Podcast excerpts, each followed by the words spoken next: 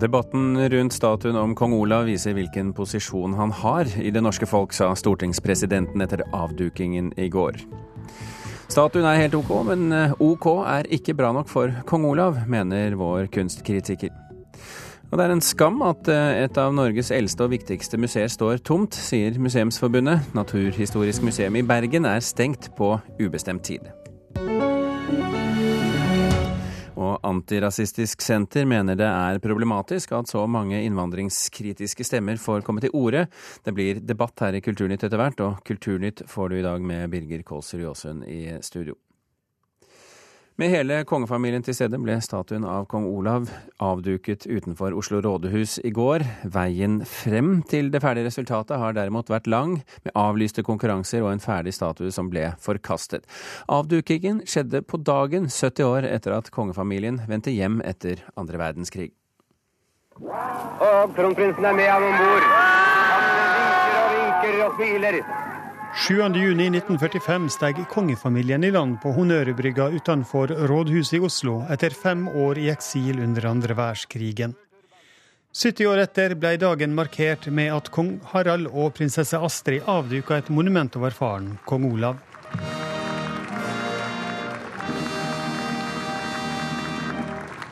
Men veien fram har vært kronglete, med både avlyst konkurranser og en statue som ble forkasta. Knut Steen fikk oppdraget i 2001, men utforminga skapte reaksjoner, bl.a. fra kunsthistoriker Tommy Sørbø. Han står med sin hevede hånd nesten som en klubbe, eller eh, det skal være en hilsen, men de gir jo dessverre helt andre assosiasjoner. Og her blir det til noe nesten ja, mange har pekt på sånn fascistisk hilsen, nesten, som alt man ikke forbinder med kong Olav. I 2006 droppa Oslo kommune statuen, som i dag står i Gulen kommune i Sogn og Fjordane. Kunstneren eh, sjøl mente den gang at eh, til Oslo kommune minner mest om en komedie. Olavsstatue? Ja, ja. Jeg må jo le. Alle de dårskaper som er mulig. Det er jo litt komisk, da. Det hele er jo en stor komedie. I 2009 utlyste kommunen en ny konkurranse som Olav Orud vant med sitt monument 'Mann og bauta'. Og under avdukinga i går vedgikk ordfører Fabian Stang at det hadde vært en lang og vrien prosess. Jeg ville løyet hvis jeg hadde sagt at dette har vært en prosess som har gått uh, raskt og smertefritt uten uh, synspunkter. Det ville ikke vært sant. Uh, men det er en god forklaring på det. Forklaringen er rett og slett at alle elsket kong Olav. Alle har et synspunkt på hvordan han var i sitt eget hode.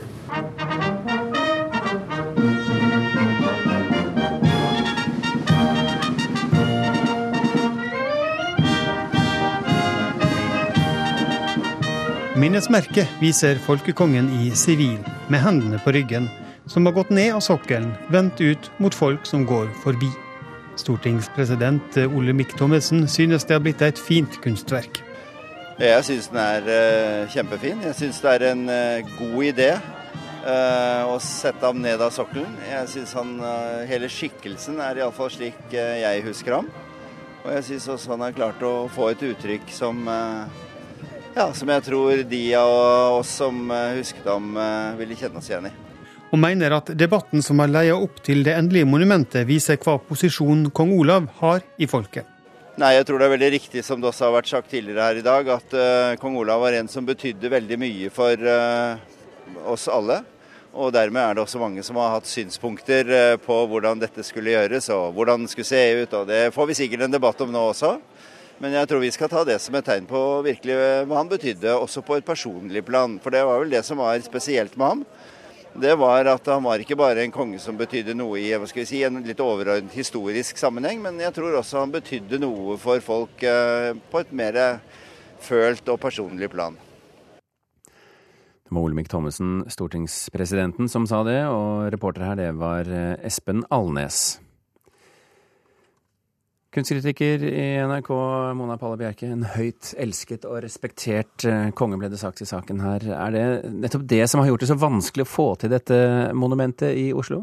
Jeg tror det er riktig som de sier, og jeg kjenner det faktisk selv. Jeg er ikke noen sånn hund etter kongestoff, men dette engasjerer jeg meg eh, Og det er jo fordi at dette er eh, min barndoms konge, og en slags da halvmytologisk skikkelse i min forestillingsverden. Så dette syns jeg er viktig. Hva syns du om grepet som er gjort her, å sette statuen av kong Olav ved siden av sokkelen? Jeg syns vel det er en litt sånn enkeltvist, eh, og som veldig litt sånn overtydelig formulerer et budskap, at dette er eh, folkekongen.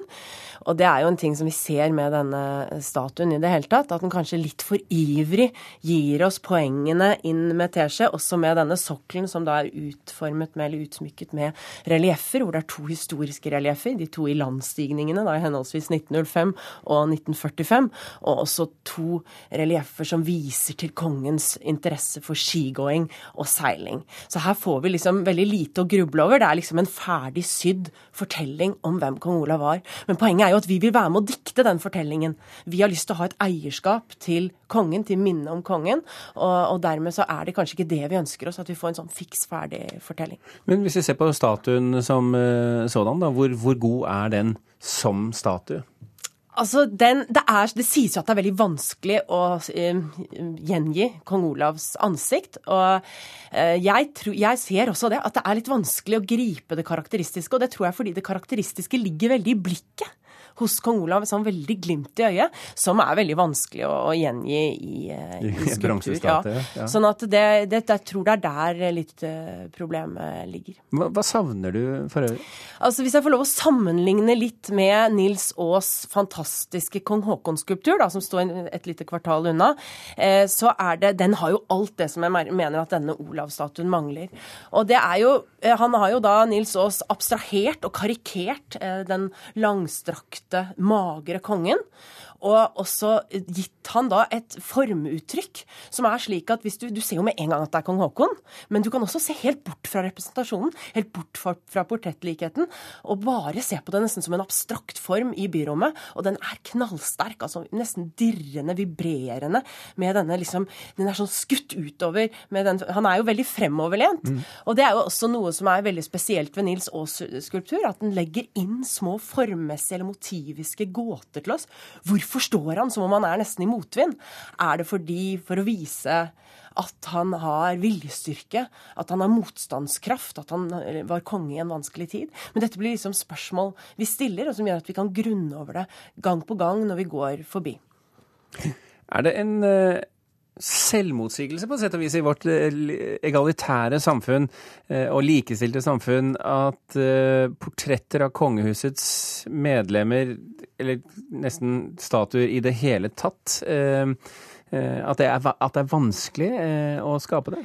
Altså, det er enormt vanskelig å lage portretter i dag i det hele tatt. Men jeg tenker kongeportretter er jo kanskje noe av det som faktisk av og til fungerer. Fordi at vi jo har, har denne formen eh, at vi har et monarki hvor vi beholder oss med en konge som sitter på en trone og går på rød løper og på en måte er et opphevet et eh, individ som er hevet over oss andre, og som forventes å oppføre seg også bedre. Sånn at det er jo kanskje det som er det lille paradokset da i det likhetssamfunnet, at vi holder oss med en konge. Men når vi først har en konge, så er det helt naturlig, logisk fortsettelse av det at vi lager eh, skulpturer og statuer av, av kongene våre. Mm. For det er jo, men, og det er klart at portrettet er jo ikke sånn helt i takt med vår eh, tid. Det er de portrettene og selvportrettene vi lager i dag. De er jo i sosiale medier, og det er jo det som på en måte er mer tidens uh, portretter. Men, men, utelukker du at eh, denne statuen kan bli en elsket statue nettopp fordi den er av kong Olav? Nei, men jeg tenker at når man, når man, altså Han snakker jo selv om at dette skal være et, det skal være et portrett og ikke et uh, kunstverk. Jeg tenker at Når man står i det offentlige rom, så må man gi et uh, uttrykk kunstneriske kvaliteter. Og det må jo overleve tiden, også den tiden hvor folk gjenkjenner kong Olav. Så det må ha noen formmessige kvaliteter som går utover vår tid, og som kan bety noe for folk som aldri kjente kong Olav, som, aldri, som ikke har noe levende, selvopplevd bilde av ham. Mona Palle Bjerke, takk for at du kom til oss og hadde sett eh, kong Olav sin eh, statue. Så eh, kan vi også ta med i denne sammenheng da, at heller ikke alle som overvar avdukingen i går, var fornøyde med gårsdagens arrangement. da. ut, eh, avdukingen av statuen av Folkens konge var nemlig ikke folkets arrangement, ifølge Eli Setre Follerås, som var til stede på avdukingen. Og på Twitter så rettet hun klagen sin mot ordfører Fabian Stang. Pga. gjerder og politi kom ikke publikum nært nok til å høre talene, sier eh, Follerås. Men da bør man i hvert fall kunne legge til rette for at det ikke føles så veldig som et veldig stort gap da, mellom kongen og oss. Og så var det satt opp én skjerm, og det var jo veldig fint, for det gjorde det jo lettere å se. Men den var delvis bak et tre, og den var også retta mot de spesielt inviterte gjestene. Og det er jo trist, fordi kong Olav var jo folkets konge, og da burde det være et folkets arrangement. Ordfører i Oslo, Fabian Stang, var ikke tilgjengelig for en kommentar nå på morgenkvisten, men skriver på Twitter at han synes eh, sitat, det er leit eh, eh, at krav til sikkerhet stoppet mange som ønsket å komme nær avdukingen. Og han ber også om forslag til løsning ved neste arrangement.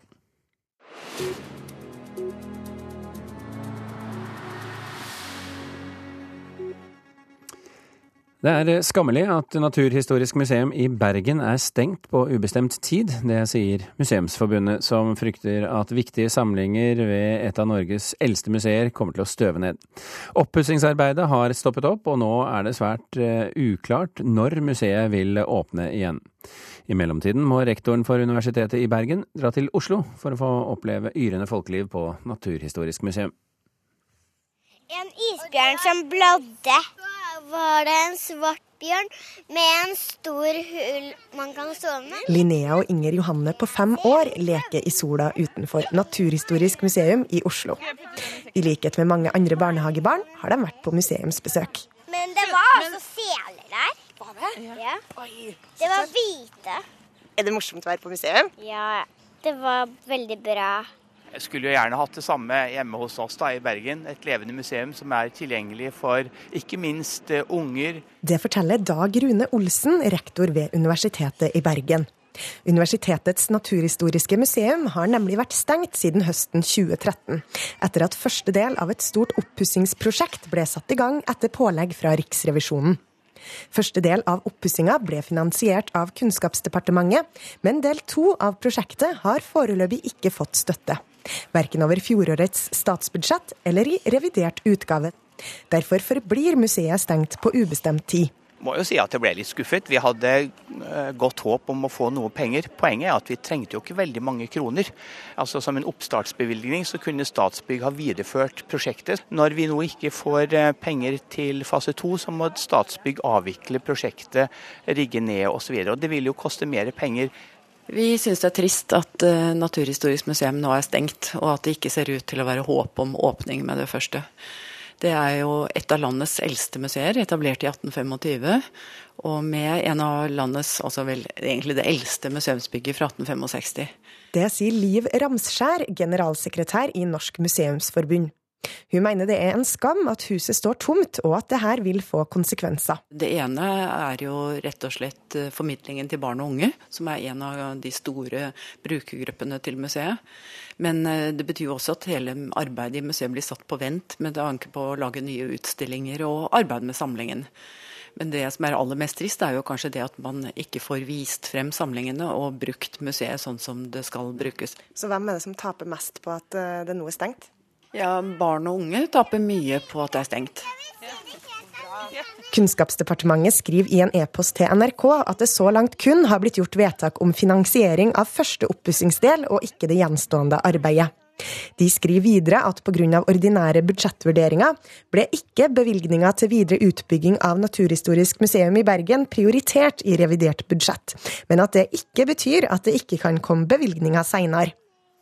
Tilbake på Naturhistorisk museum i Oslo forteller Linnea på fem at det var isbjørnen som gjorde størst inntrykk på hun.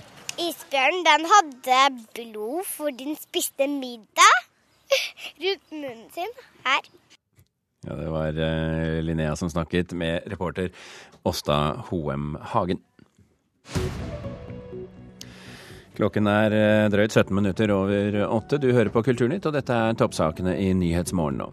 Fastlegene svikter de døende, mener Kristelig Folkeparti. De vil ha flere leger på hjemmebesøk. Flyselskapene selger færre forretningsreiser pga. nedskjæringer i oljesektoren. Dermed blir fritidsreisene dyrere i Norge og til Europa.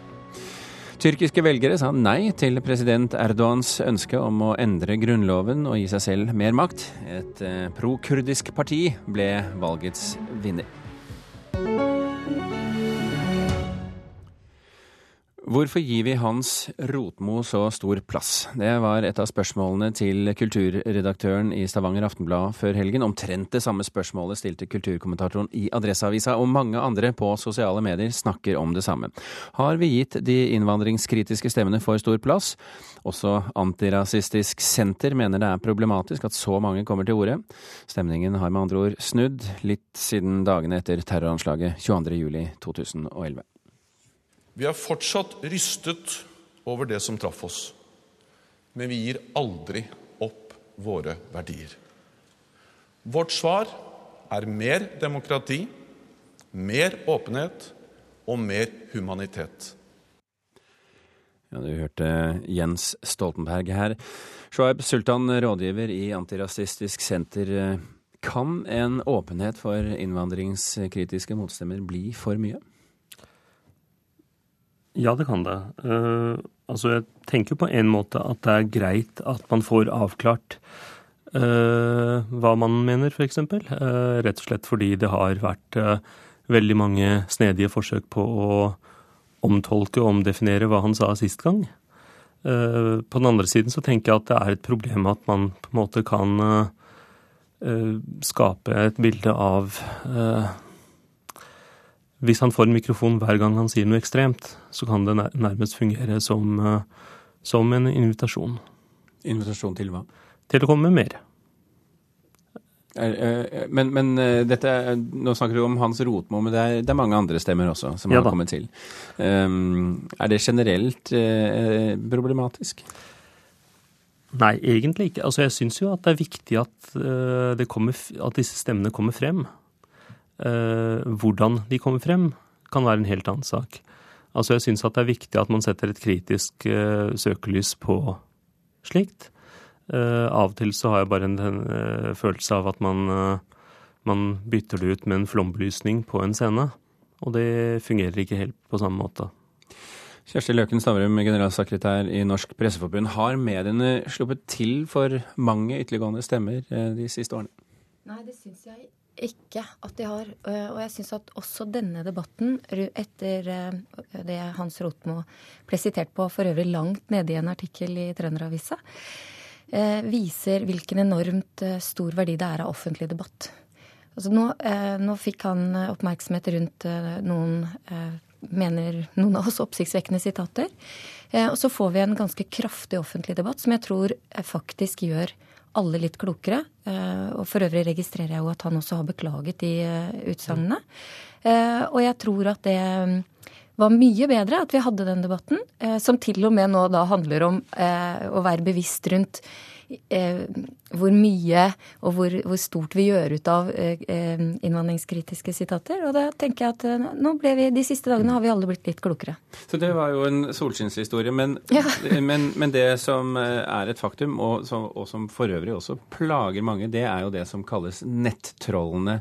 Altså de som eh, torpederer eh, nærmest enhver en fornuftig debatt. Ja, og det er, et, eh, det er et, fenomen, uansett om vi eh, om, om eh, hvem som diskuterer, egentlig, så har vi en, en stor mengde mennesker som, som ønsker å, å, ødelegge debatten, eller ønsker å, å, være ganske hard og kraftig og personangripende. Og det, det, har vi, og det er viktig at vi også uh, håndterer.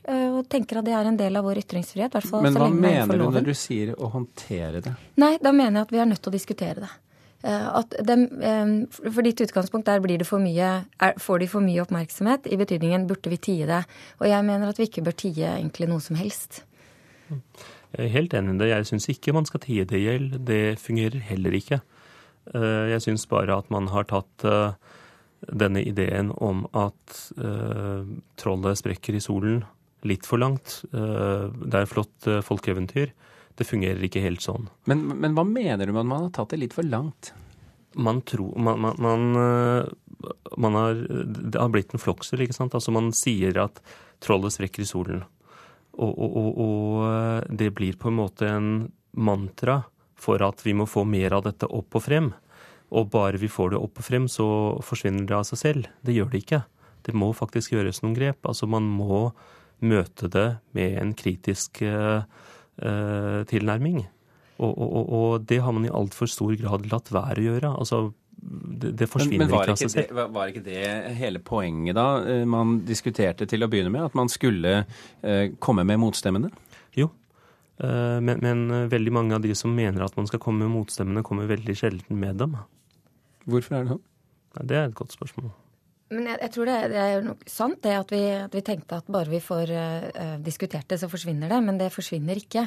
Det kom, kommer i det, Alle disse meningene kommer litt nye varianter hver gang. Og så kan du jo spørre ble uh, ble Hans Rotmo forsvant Hans Rotmo for solen? Uh, og det kan det jo tyde på. Han er jo kulturelt veldig herja med etter dette.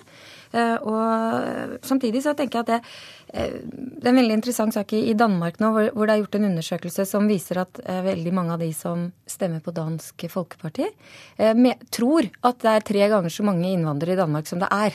Mm. Ikke sant? Altså, og det, det, er en del av debatten som vi må også passe på, er å bringe inn fakta. For, sånn at ikke meningen i hvert fall er basert på feil fakta. Det er jo en start. Ja, eh, ja, da. Altså Det er jo en del mennesker som ofte ikke lar fakta stå i veien for hva de mener, men, men, men likevel. Eh, fakta er viktig. Men det er et problem også at eh, Rotmo, en av tingene han sier i det intervjuet som jeg syns var virkelig oppsiktsvekkende, var jo at uh, han går veldig langt i å si at han for langt vei er enig i synspunktene til Breivik. Og det har vi på en måte mistet litt i alt det andre i resten av debatten. Og det syns jeg er en ganske skremmende Altså det er et skremmende utsagn. Men hvis han mener det, eh, og, det er mange andre som mener det, kan vi da egentlig si at vi har tatt den debatten som, som Breivik eh, nærmest eh, ga oss i hendene? Nei, vi har ikke det. Jeg syns at vi i veldig stor grad har snakket om at vi skal ta den, at vi bør ta den, at den Ja, noen bør ta den debatten, men vi har i veldig liten grad tatt tak i det. Vi har i veldig liten ta, grad tatt tak i den ideologien som lå bak terrorangrepet. Har da mediene gjort jobben sin, eh, Stavrum? Nei, det er fortsatt en del ting som ligger igjen. Og, og vi må huske at, på at grunnen til at Rotemo får oppmerksomhet rundt dette, er ikke egentlig bare hva han sier, men hvem som sier det. Ja. Eh, og det, eh, det, er i dette tilfellet veldig eh, ja, litt avgjørende, da. og, og, og det store spørsmålet som ligger igjen, er jo hvordan kan det ha seg at en mann som har det radikale utgangspunktet han har, nå står på de standpunktene som han i utgangspunktet ikke trodde hørte sammen. Eh, så er det sånn at vi klarer nok og skal aldri ha et samfunn hvor alle er enige. Så det vil alltid være noen som mener noe annet, eh, og det skal vi langt på vei være veldig glad for. Men det er mange som har en jobb å gjøre her, med andre ord? Ja, vi, vi alle må være med i debatten, tenker jeg. og, og, og, bidra med både fakta og, og synspunkter. og og klokskap. Eh, ja. ja Gjerne det. Gjerne det. Shoaib Sultan og Kjersti Løken Stavrum, takk for at dere kom til Kulturnytt.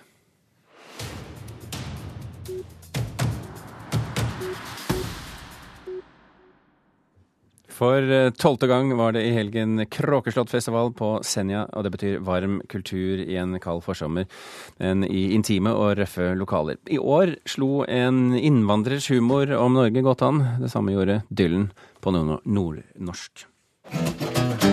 Det finnes mange eh, oversettelser av Bob Dylan på norsk etter hvert, og noen som er veldig bra.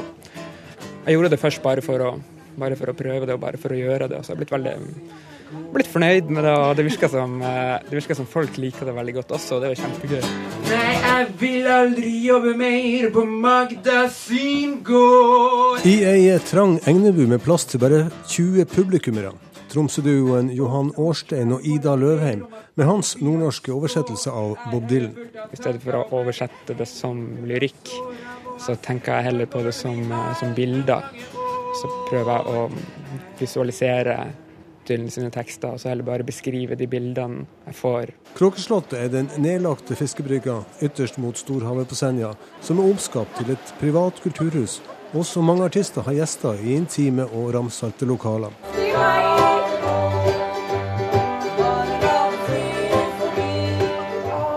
På plakaten i år blant andre Valkyrien Allstars, Anders Jektvik, Ellen Andrea Wang, Helge Stangnes og lokale talenter, Ungt blod som de kalles. Her er et bilde av meg og Bill Clinton. I år var Ole Paus på Kråkeslottet for første gang. Ja, Det var veldig utrolig fint å oppleve. Og jeg har hørt mye om det. Altså, kanskje særlig gjennom Kjetil Bjørnstad og Frode Rasmussen. Og så er jeg veldig glad i Moddi og, og, hva han driver med. Så jeg føler at jeg kommer inn i en historie som jeg er veldig takknemlig for å bli inkludert i. Bitte liten gutt på ti fra asylmottaket. Rømte fra politiet og klatra på taket. En asylsøkers humoristiske blikk på norske forhold. Den bosniske innvandreren Igor Donderovic med fettere, som også har vært Spellemannsnominert. Asylmottakbeboere syns det er superkult. Altså, de syns det er gøy. Det, de tar seg aldri nær av det. Det er mer eventuelt overbeskyttende nordmenn som uh, tar seg nær av det på vegne av folk som ikke tar seg nær av det. Hvis du skjønner? Lille fetter, edderkopp, han klatra på min hatt. Så begynte det å regne og fette ned Tusen takk. Igor Dundrovic og hans fettere til slutt her, vår reporter på Kråkeslottet, Arild Mo. Utlån av e-bøker på bibliotek påvirker trolig salget av e-bøker negativt, men på den annen side så kan utlån også rekruttere nye e-boklesere som i sin tur kan tenkes å kjøpe. Det er den eh, todelte konklusjonen i en ny rapport som vil danne noe av grunnlaget når Nasjonal bibliotekstrategi skal legges frem til høsten. Kulturminister Toril Vidvei sier til Dagsavisen at bibliotekene ikke kan begrenses hva utlån angår. Kulturnytt eh, er slutt. Hilde Tosterud, Gjermund Jappé og Birger Kålsrud Aasund eh, legger stafettpinnen i hendene på Øystein Heggen.